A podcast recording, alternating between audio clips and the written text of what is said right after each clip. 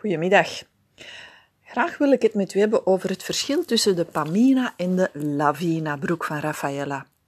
De Pamina broek is natuurlijk zeer gekend, met een tailleband volledig rondom in elastiek.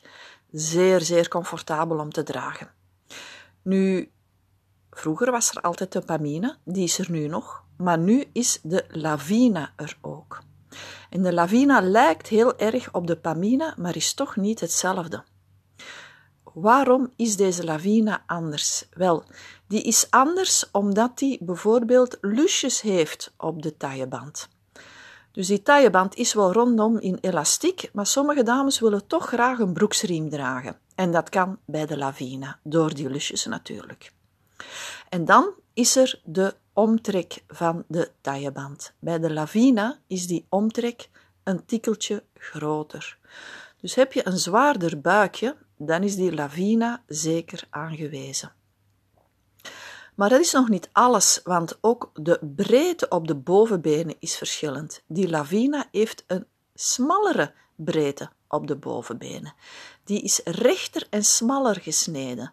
Dus een dame met een hele dun billetje, met een heel dun bovenbeen, is beter af met de lavina. En omdat die pijp op het bovenbeen wat smaller is, ja, het kan niet anders dan dat die ook onderaan aan de zoom wat smaller is. Dus samengevat, wanneer is de Pamina broek de beste broek? Wel, dat is als je een buikje hebt en als je dunne bovenbenen hebt.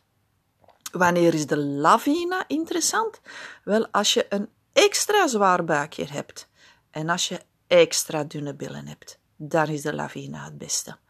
Dus je ziet maar, een broek is goed voor jou, maar het hangt helemaal af van jouw lichaamsvorm.